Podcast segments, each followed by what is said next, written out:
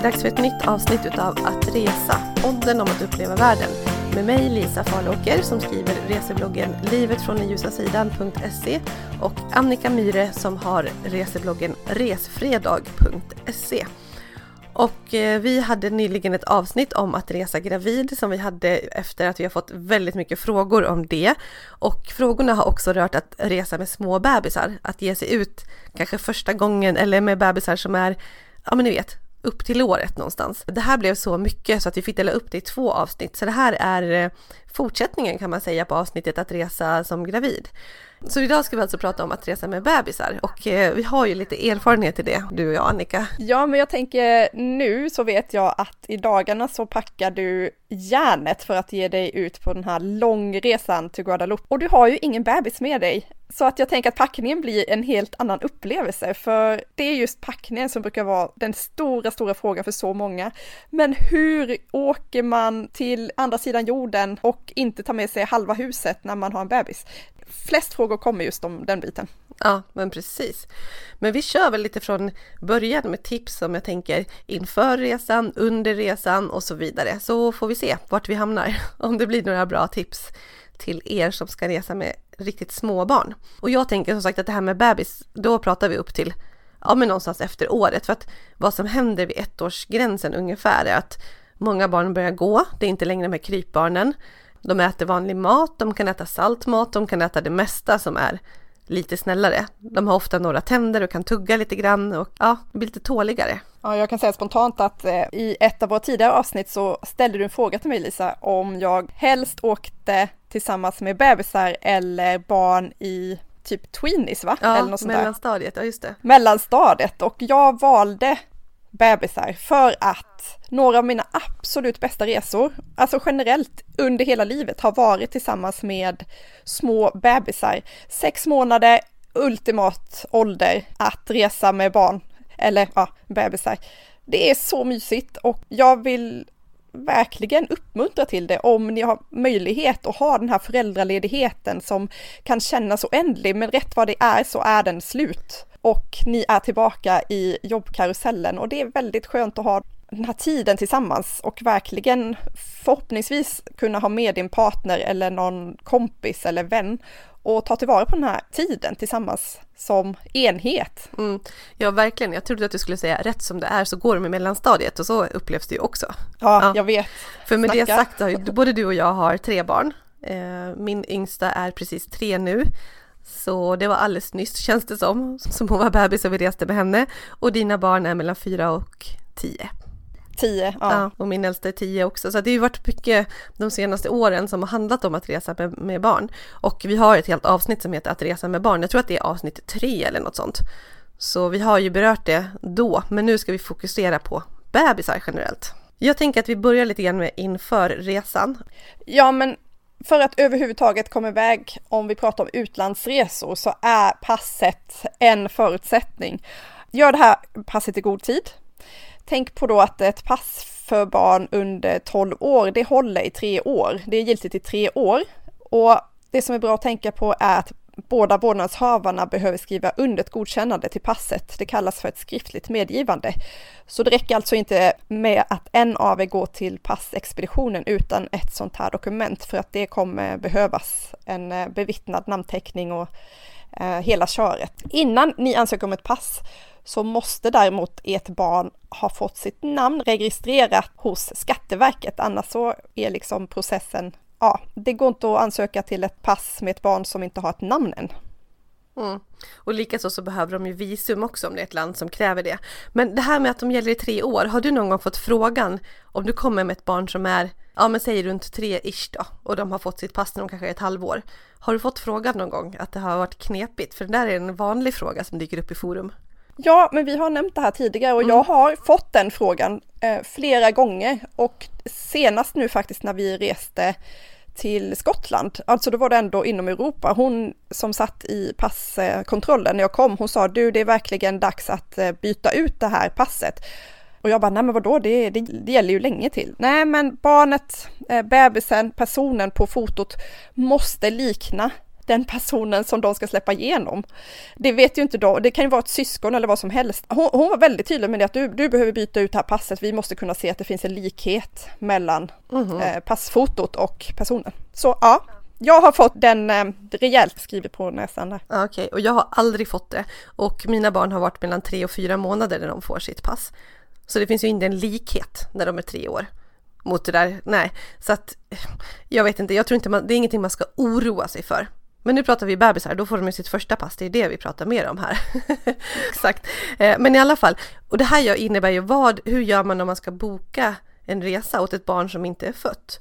Och där finns också lite olika regler, men jag har själv bokat resa en gång till New York med en, en alltså med ett onamnat barn. Så det går, men man kan behöva ta hjälp av själva flygbolaget för att få på det här och sen får man ändra och lägga på ett namn efteråt. Jag vet också flygbolag som inte godkänner det, så att här får man kolla lite grann. Men generellt så är ju ett tips att gå via flygbolagets hemsida. Nu utgår jag ifrån att man bokar reguljärt då, men och inte via någon av de här sajterna. Ja, så då visste du alltså att du var gravid när du åkte iväg och barnet skulle ha fötts när du kom hem igen? Ja, precis. Vi skulle boka resa sig till ett halvår fram i tiden. Det här var när vi skulle åka på, till New York på en tjejresa. Eh, så vi skulle resa i maj och jag skulle få barn i december och vi bokade någon gång på hösten. Eh, och då bokade jag med bebisen på resan. Sen följde han inte med eh, och då var det inga problem för mig att ändra den biljetten. Och det här var med SAS tror jag. Så mm, kolla det. Ja, och det är en helt annan diskussion om att resa iväg utan sina bebisar, för då var han ganska liten. Ja, jag vet. Det var, åh, det var oerhört mycket ångest innan det här.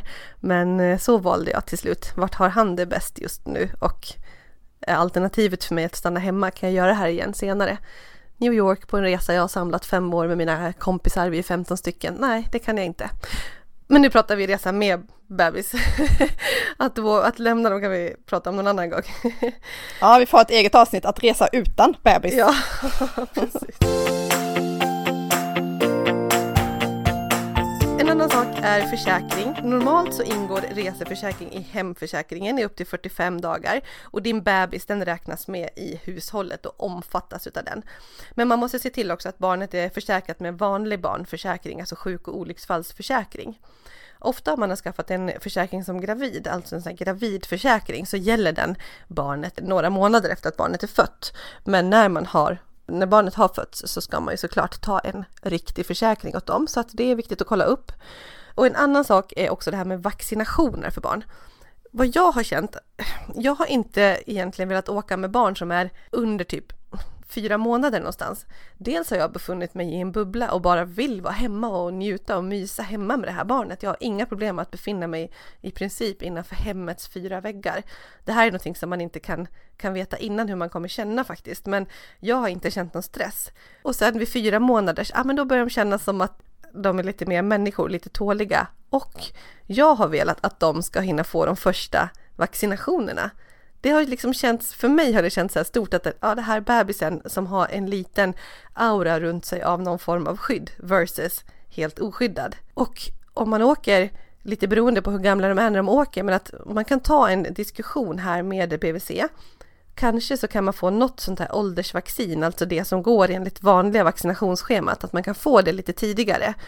Åker man till exempel med en ettåring och vanligtvis som ett MRP-virus, alltså mässling, röda hund, påssjuka, så kan man få det lite tidigare för att man ska till ett land där det finns mässling.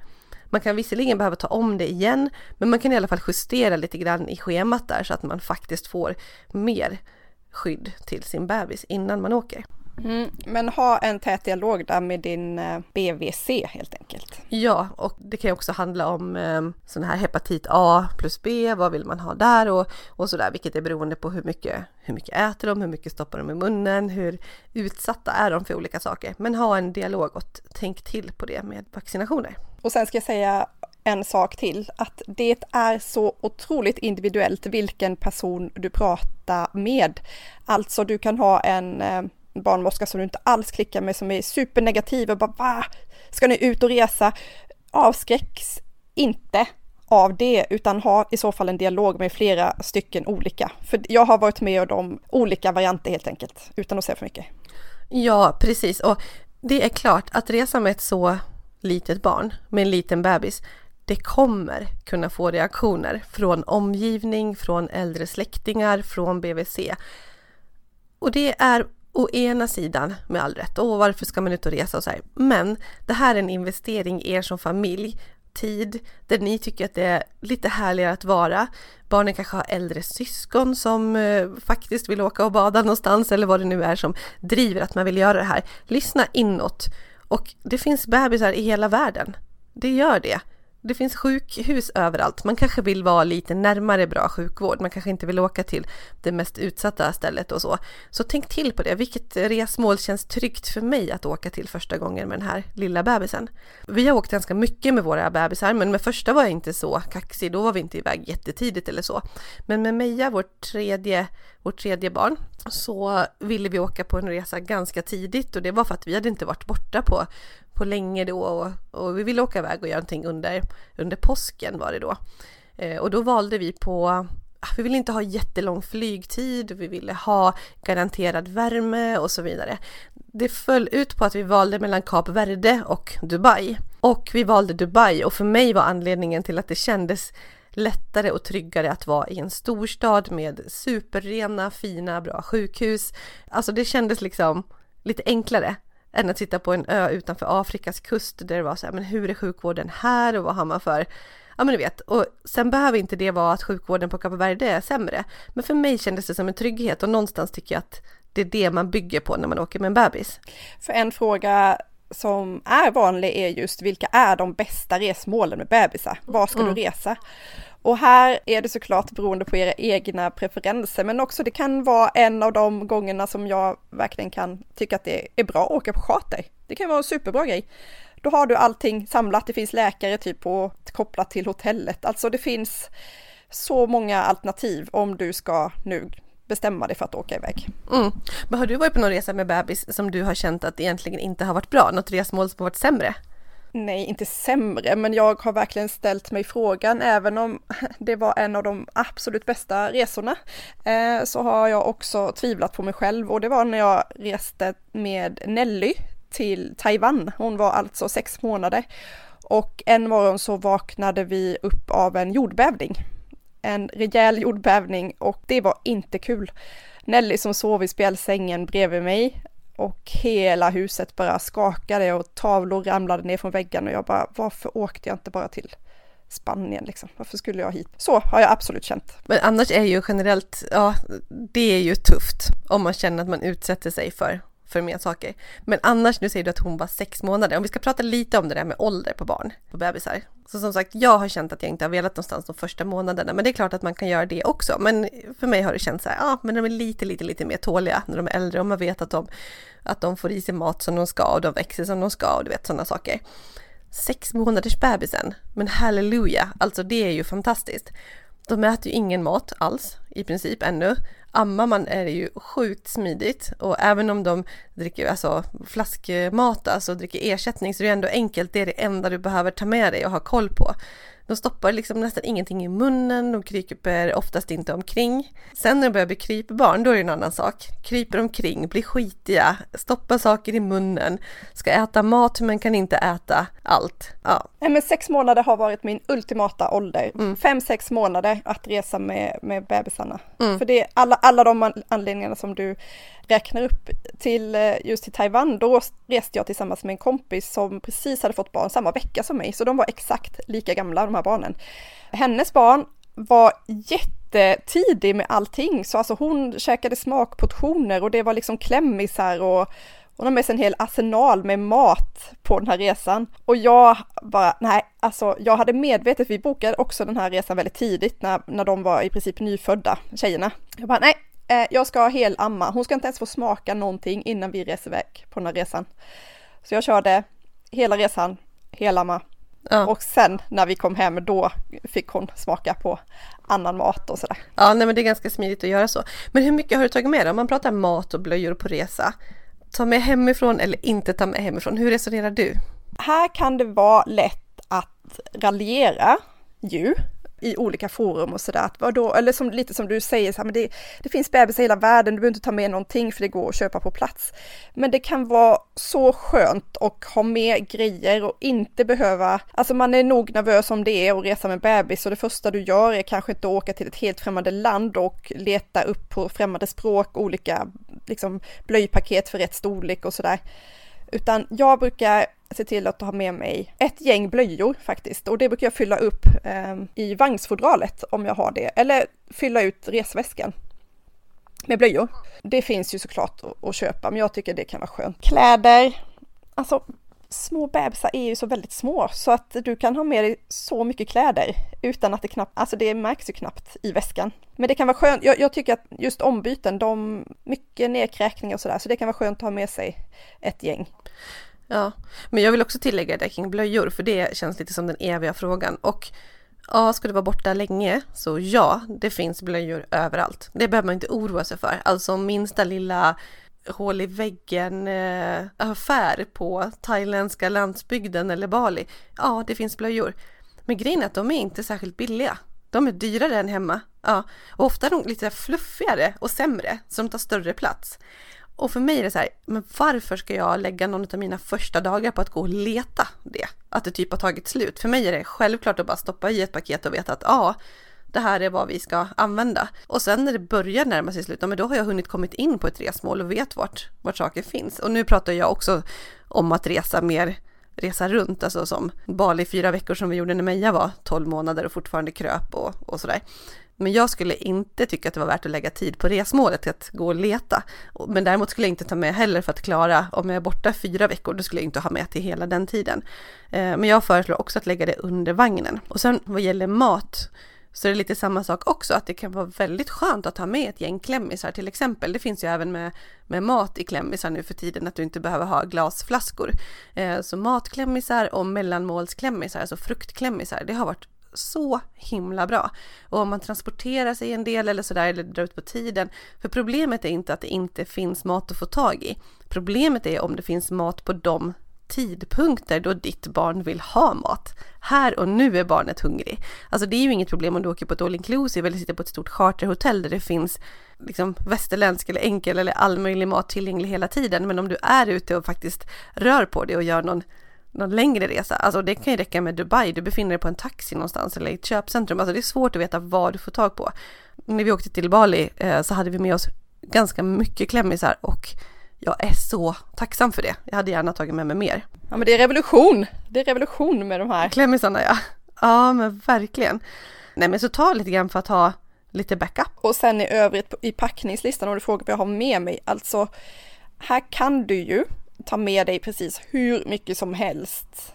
Du, du, skulle kunna fylla hela din packning med bara grejer till bebisen och det är ju lite så här när jag kollar på olika internetsidor att resa med, med barn och de här grejerna behöver du ha med dig. Så här extra sittstol och sätta på en stor stol om du är ute, extra resesäng, extra allting sånt där. Sådana grejer har jag aldrig tagit med mig faktiskt. Jag har aldrig tagit med mig en, eh, en resesäng för barnen har sovit nära mig.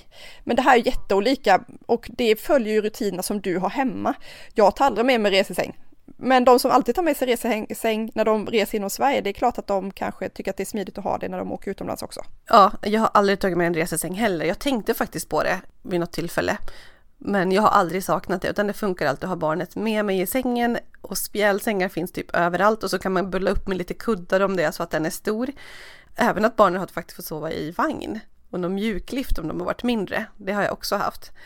Men däremot så här ähm, stol pratade du om. Nej, jag har aldrig haft med någon sån där ordentlig som man typ hänger på bordet, men däremot second seat, alltså det finns lite olika varianter på det här, men typ som en tyg, tygstol som du kan sätta på en större stol och spänna fast runt deras mage. Det har jag använt så otroligt mycket.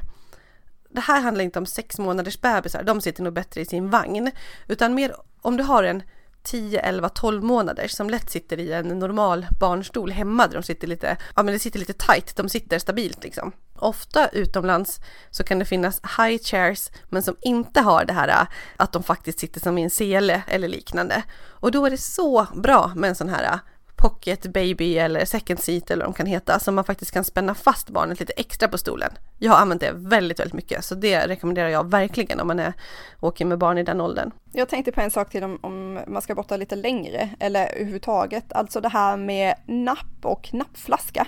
Ofta är det ju så, har jag upplevt med mina barn i alla fall, att när de har väl fått smak, mina barn har bara använt en sorts napp, ett visst märke de har liksom bara spottat ut annat om det inte har varit just den. Och samma sak med nappflaskor, om man hittar något som funkar för det barnet.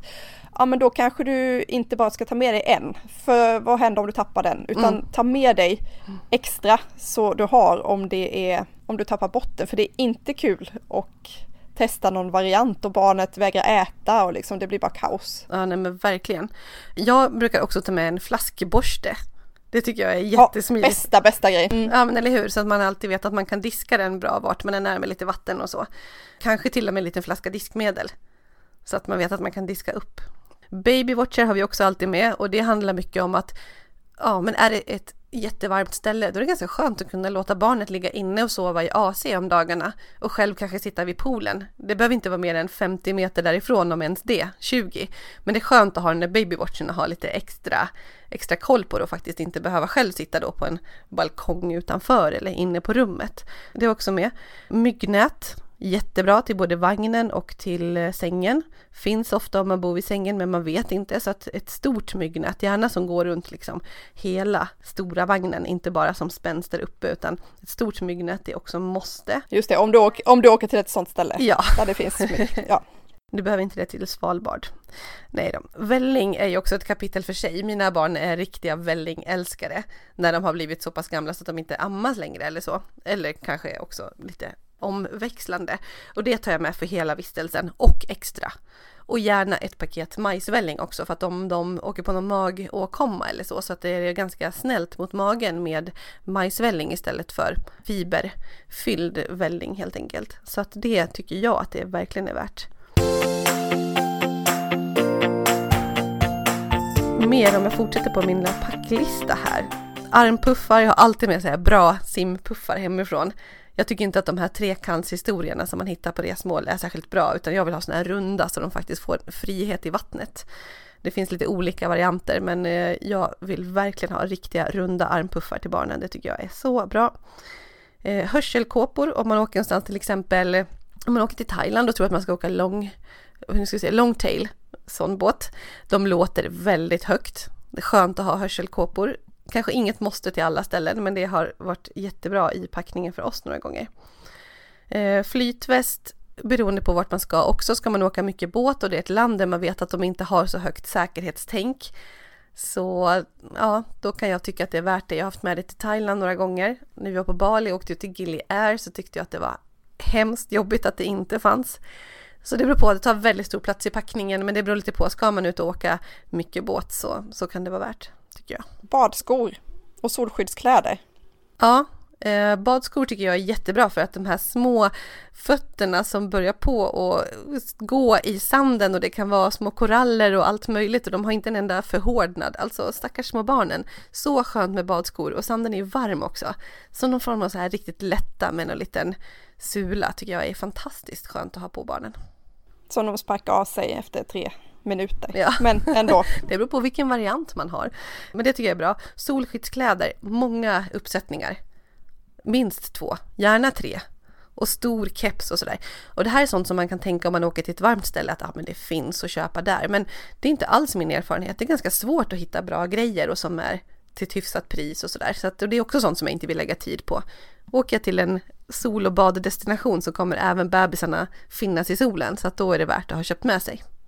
Mm. Och det är då man kan se varifrån bebisarna kommer om du sitter på stranden, för du vet att det är liksom tyskar eller skandinaver om barnen har långärmade eh, och ner till fötterna och en mega stor solhatt som man knappt ja. ser barnen. Då, då, kan du vara säker på att det är ja. var de kommer ifrån. Ja, men det är också de vitaste barnen. Ja, absolut så är det. Men eh, när man har mindre bebisar så, jag har haft ingen så här solskyddsfilt. Det är som en tunn sval filt i så UV 50 tyg. Och det har varit så himla himla bra tycker jag för att ett litet barn, men de rör inte på sig så mycket. Då kan man behöva ha någon uppsättning som man har när man när man ska bada till exempel, när de faktiskt är utsatta. Men annars är det ju inget problem att hålla ett barn i skuggan som är så litet så att de inte börjar krypa. Men den här solskyddsfilten, den är så pass tunn så att du kan ju lägga den över deras ben till exempel om de ligger i vagnen, bara för att skydda benen. Eller häng upp på ena sidan utav vagnen och liksom spänn upp som ett parasoll. Eller lägg över om du sitter och ammar eller matar. Och ja, men solskyddsfilt det är verkligen ett av mina absolut bästa tips för att hålla små bebisar från solen. Ja, och du nämnde vagnen där, för vagnen är också en sån fråga som är väldigt vanlig. Vilken är den bästa resevagnen? Och svaret på den frågan är helt beroende på vad du tänker dig att du ska göra på semestern. Ska ni promenera jättemycket? Gillar du att ta morgonpromenader på stranden? Ja, då ska du ha med dig en vagn som har stora rejäla däck som faktiskt klarar av och inte en sulke med så här plastiga rangliga hjul som inte klarar liksom en meter i sanden utan att den gräver ner sig. Ja, men tänk på vad du ska göra. Numera finns det ju så bra resevagn alltså, som du till och med kan bara fälla ihop och ha som handbagage.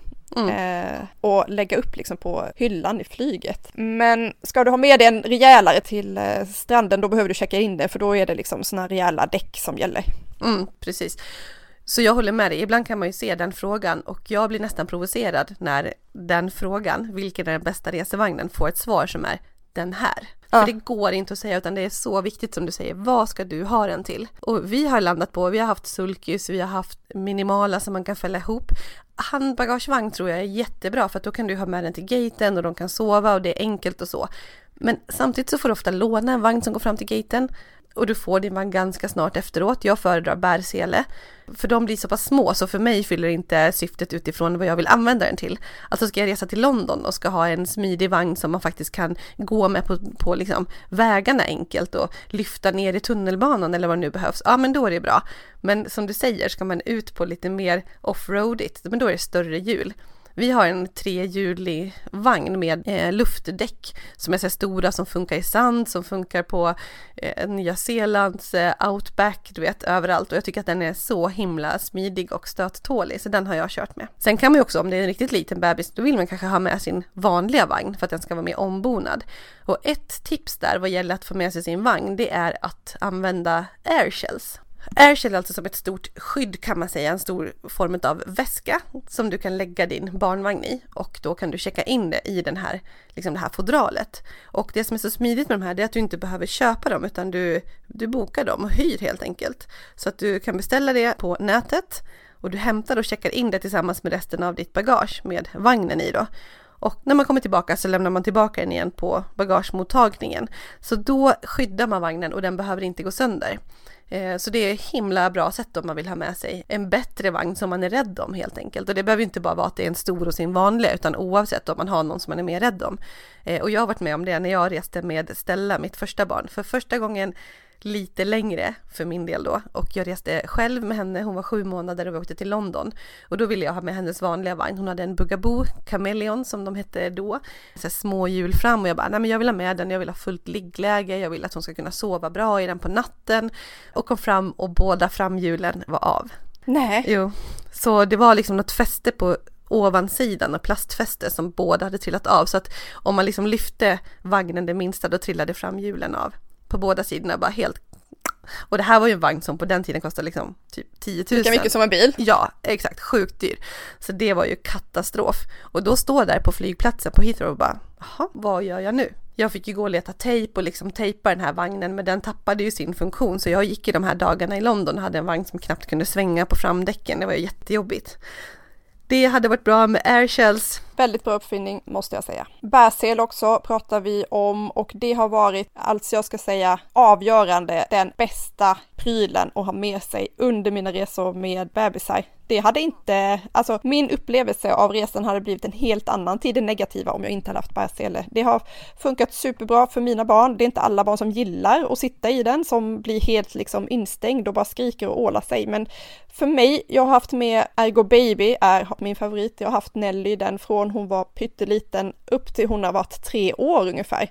Kunna bära henne både på ryggen och på magen långa sträckor. Hon har älskat det och det har varit så smidigt. Ja, men det är så enkelt och man får händerna fria. Alltså det är verkligen ett måste med en bra bärsele som både du och barnet trivs med. Den enda gången det är bökigt och som man behöver ta av sig det är när man ska gå igenom flygsecurityn.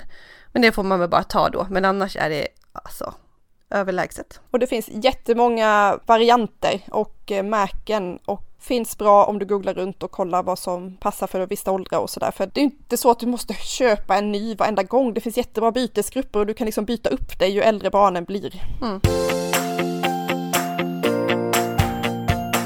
Reseapotek är ju en annan sån här grej med att ja, det finns barn överallt, det finns apotek överallt och så vidare problemet med bebisar och barn är väl dels att de inte får feber precis när det är en bra situation. Nej men det är ofta på natten eller du kanske är någonstans där du inte har det dörr i dörr. Eller så vill du faktiskt bara veta vad du stoppar i barnen. Du vill att det ska stå på svenska. Du vill kunna prata kanske med Svenska vårdguiden eller en eh, läkare online och ha samma referenser. Jag kompromissar inte med bebisens reseapotek. Jag har med Alvedon eller alltså någon febernedsättande smärtstillande, gärna suppar, absolut för så små barn såklart. Nässpray, det kan vara bra också att spraya i innan eh, man ska flyga om man vill göra sig avsvällande och såklart om de blir förkylda.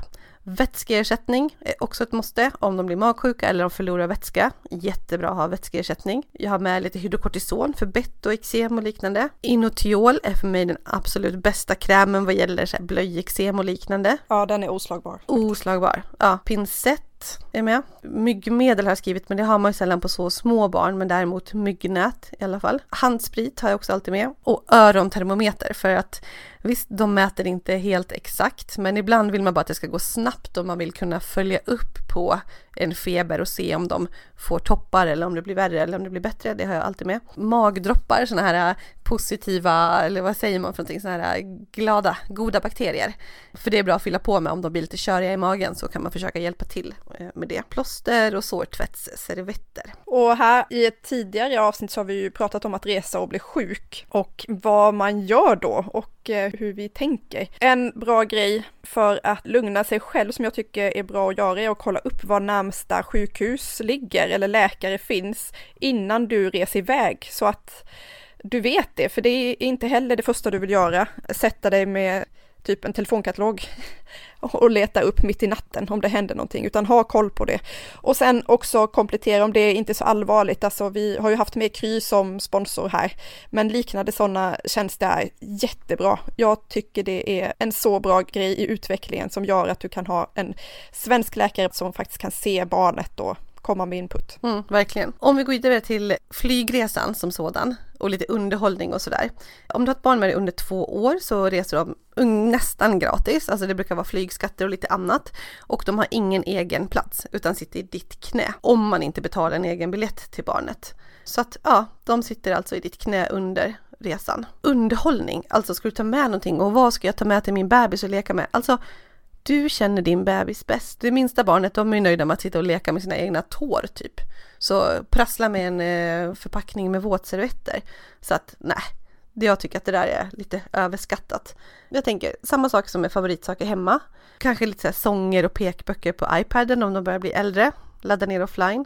Pixiböcker brukar jag tycka att det är mysigt att sitta och läsa med, men då är det ju barn som är lite äldre också. Ja, jag har en kompis som hade med sig när vi flög långt en, eh, hon hade tryckt någon fotobok eller fotoalbum med eh, bilder på favoritgrejer och på släktingar och sådär. Mm. Jättegulligt och barnet bara satt och kollade hur mycket som helst. Ja, just det. Eller bebisen. Ja, kan ju också vara på iPaden att man gör något eh, bildspel. Ja, nu är vi där igen, analoga du ja. som kollar telefonkatalogen till och med, jag reagerar lite när du sa ja, det. Men, det, men försök att fråga efter en iPad när du befinner dig i djungeln Lisa, då, då får du en telefonkatalog istället. Ja, men ja. exakt.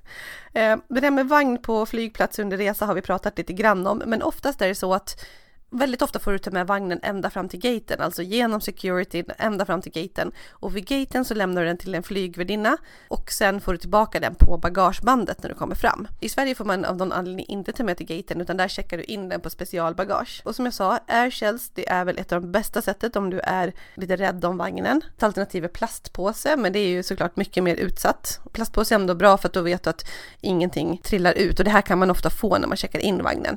Och har du det blöjpaketet under vagnen så är det ju extra smidigt förstås. Och vad som jag kan tycka att är positivt med att lägga in den i bagaget, det är ju att man viker ihop den ordentligt och tänker på hur man får ner alla olika delar så att den blir lite mer eh, skyddad. Lämnar man vid gaten är det ofta lite bråttom om man ska bara ihop med den och iväg och då är den faktiskt egentligen mer utsatt. skulle jag säga. Men eh, ja, vagn till gaten, jag väljer bärsele. Och sen väl på plats om du flyger då så finns, de kallas olika beroende på vad man flyger med för eh, linje och sådär, men baby bassinet eller baby cot, alltså en liten bebissäng som finns som du fäster på, alltså om du sitter i flyget på väggen framför dig. Längst fram, om man sitter mot typ toaletter eller så. Ja, precis. Så finns det fästen för en liten, ja men tänk som en liten eh, minivagga eller minibebissäng som du fäster på väggen. Och det finns ju då av naturliga skäl ett visst begränsat sådana här att få tag på. Och hur får du dem? Alltså det är olika beroende på vem du flyger med. En del kan du begära att få i förhand och betala extra. Eller blir du tilldelad när du kommer till flygplatsen. Det här är eh, olika regler för olika flyg flygbolag och flyglinjer. Mm. Vi har gjort otroligt många resor med det. Vi har fått sån här Baby Messinet och vi har fått det automatiskt utan att behöva säga till. Vi har bara flugit reguljärt. På charter tror jag att man får säga till och betala lite extra och behöver förboka det. Men reguljärt så har vi fått det tilldelat och det har varit allt från Emirates till SAS till eh, Nya Zeeland Air till, eh, ja men du vet, eller Cathay Pacific kanske heter, ja men en massa olika. Och de ser också olika ut, de har olika begränsningar på vikt. Ibland går det på att de som har yngst barn men vi har ju rest med barn när de har varit runt 12 månader och då både väger de ganska mycket och börjar bli ganska stora. Men vi har fått ha barnen i babybassinet och fått sådana platser. Så man kan kolla upp det, men oftast så får man det automatiskt. Och de kan vara antingen som du säger som en vagga, som en liten korg, typ ett mjuklift ungefär, eller de kan se ut som eh, typ babyskydd, alltså sån barnstol. Det finns lite olika varianter, men det är supersmidigt. Jag älskar det, barnen kan ligga där och sova. Det jag kan tycka att det är lite irriterande det är att man får ta upp barnet om eh, säkerhetsbältslampan börjar lysa. Så de får tyvärr inte ligga där om det är någon turbulens eller så.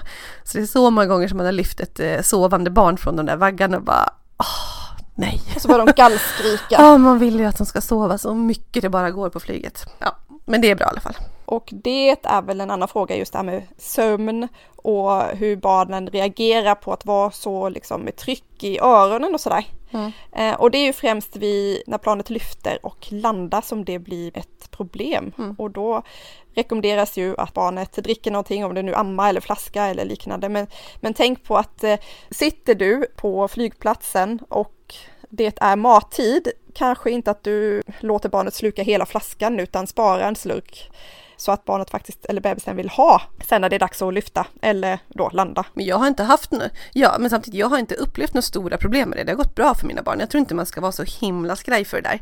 Men sen som sagt lite nässpray eller koksaltlösning kan vara bra också som är avsvällande. Men man ska inte, det här ska man inte skrämma upp sig så mycket i på förväg skulle jag säga. Och börjar barnet skrika, det kan vara skönt för ens egen skull och passagerarna att ta barnet och städa lite längre bak mm. eller du vet vid toaletten eller någonting. Mm.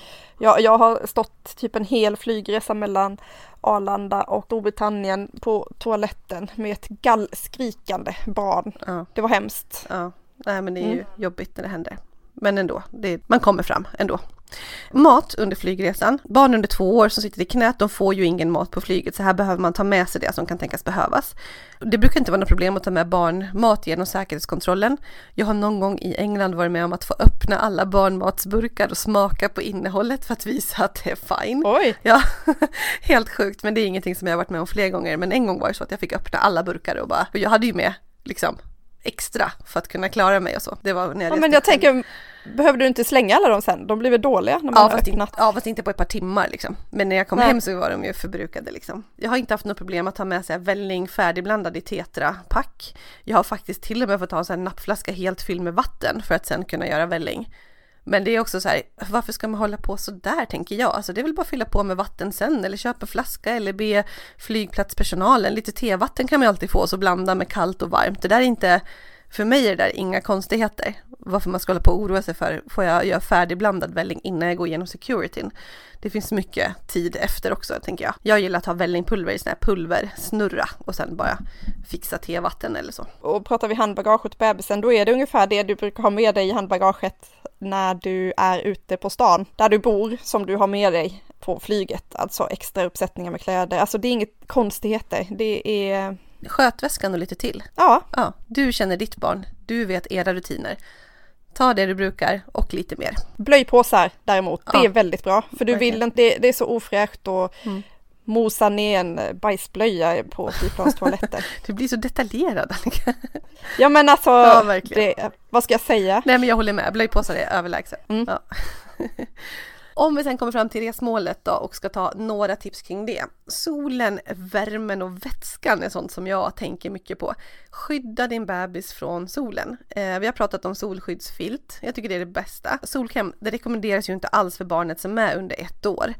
Men samtidigt, man får väl välja. Är det solkräm med lite innehåll som man inte vet eller är det att ha dem i solen? Vilket tycker du att känns värst? Man behöver ju inte vara ute i gassande sol och de varmaste timmarna på dagen. Men vill man ha lite som på händer eller sådär, köp hemma för att veta vad det är i. Sen om det är att du går till hälsokosten och tror på de sakerna som är att det är ekologiskt och bättre eller om du vill köpa något annat märke. Alltså det där är ju lite upp till dig. Det finns tester och, och så om det där med solskydd för bebisar. Men generellt inte under ett år och köp hemma är mitt tips. Bilresor, det har vi pratat jättemycket om i avsnittet om att resa med barn. Avsnitt nummer tre av att resa podden, ungefär 70 avsnitt sen eller något sånt. Men vet du med att ni ska åka bil hemifrån så kan man ta med babyskydd hemifrån. Alltså det är ju inga konstigheter. Det kan man checka in som vanligt. Oftast går det bra att checka in utan extra kostnad. Och eh, visst, du har redan med vagnet så du har ett kolli, men det brukar inte vara något problem. Men eh, det kan du ta med hemifrån och då är det ju smidigt om man har en sån vagn där man faktiskt eh, klickar på babyskyddet på vagnen. Men det beror lite på vart du ska någonstans. Annars så får du nog vara beredd på att det, det är svårt att få tag i. Och det finns ju också andra, alltså det här med packningslistan, det finns så många detaljerade beskrivningar på våra respektive bloggar. Särskilt du har skrivit väldigt mycket om till exempel det här med myggmedel, vilket myggmedel ska du välja för barn, hur ser packningslistan ut för bebisar?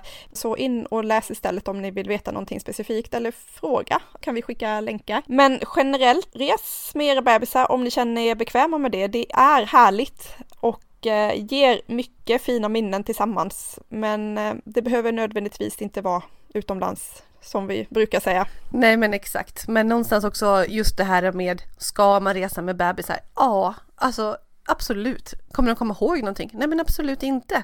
Men det är ju för att ni som familj ska ha en härlig stund tillsammans och fokusera på och vara med familjen. Så att det är klart att man kan resa med bebisar. Och de där gamla släktingarna eller BVC-personalen eller någon som kan ha åsikt, ja men låt dem ha sin, sina åsikter. Och ni står för era åsikter och era val och det kommer gå jättebra. Och mycket handlar om din egen trygghet. Känner jag mig trygg i det här?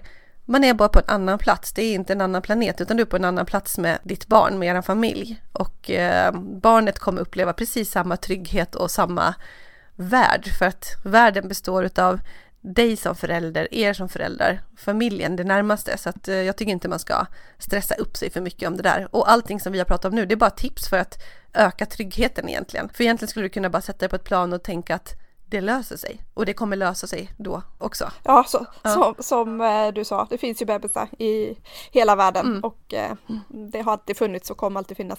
Mm. Och tänk att om ni ändå har lyssnat igenom det här avsnittet så finns det ju ett intresse av de här frågorna mm. för det, det, kan vara många som har åsikter och har varit genom åren både för dig och mig och eh, ja, ja, så är livet. Men eh, våra resor med bebisar har varit fantastiska. Ja, faktiskt. Jag men, kan men, säga det. Ja, men samtidigt, om de blir sjuka, och sjuka blir de ju, alltså någon får en kräksjuka, då är man inte så kaxig. Men just det där, var nära sjukvård och eh, gör precis som hemma. Och jag har legat så här nattetid och pratat med Vårdguiden i Sverige till exempel och så och det var inte jättekul. Men de blir sjuka hemma, de blir sjuka på resa. Vi hoppas att ni har kunnat få ut något av det här avsnittet och vi ser fram emot att podda mer om olika ämnen och det här var som sagt ett avsnitt som vi har fått mycket önskemål om och det är jättekul när ni kommer med frågeställningar och eh, önsketeman så fortsätt gärna med det så får vi se vad vi kan göra åt era frågor. Ja, och vi älskade ju uppenbarligen de här frågorna eftersom det blev ett helt avsnitt om att resa gravid och ett om att resa med bebis. Så ge er ut och res med era små familjer så pratar vi om helt andra typer av resor nästa gång. Det gör vi. Ha det bra! Du med, hej då!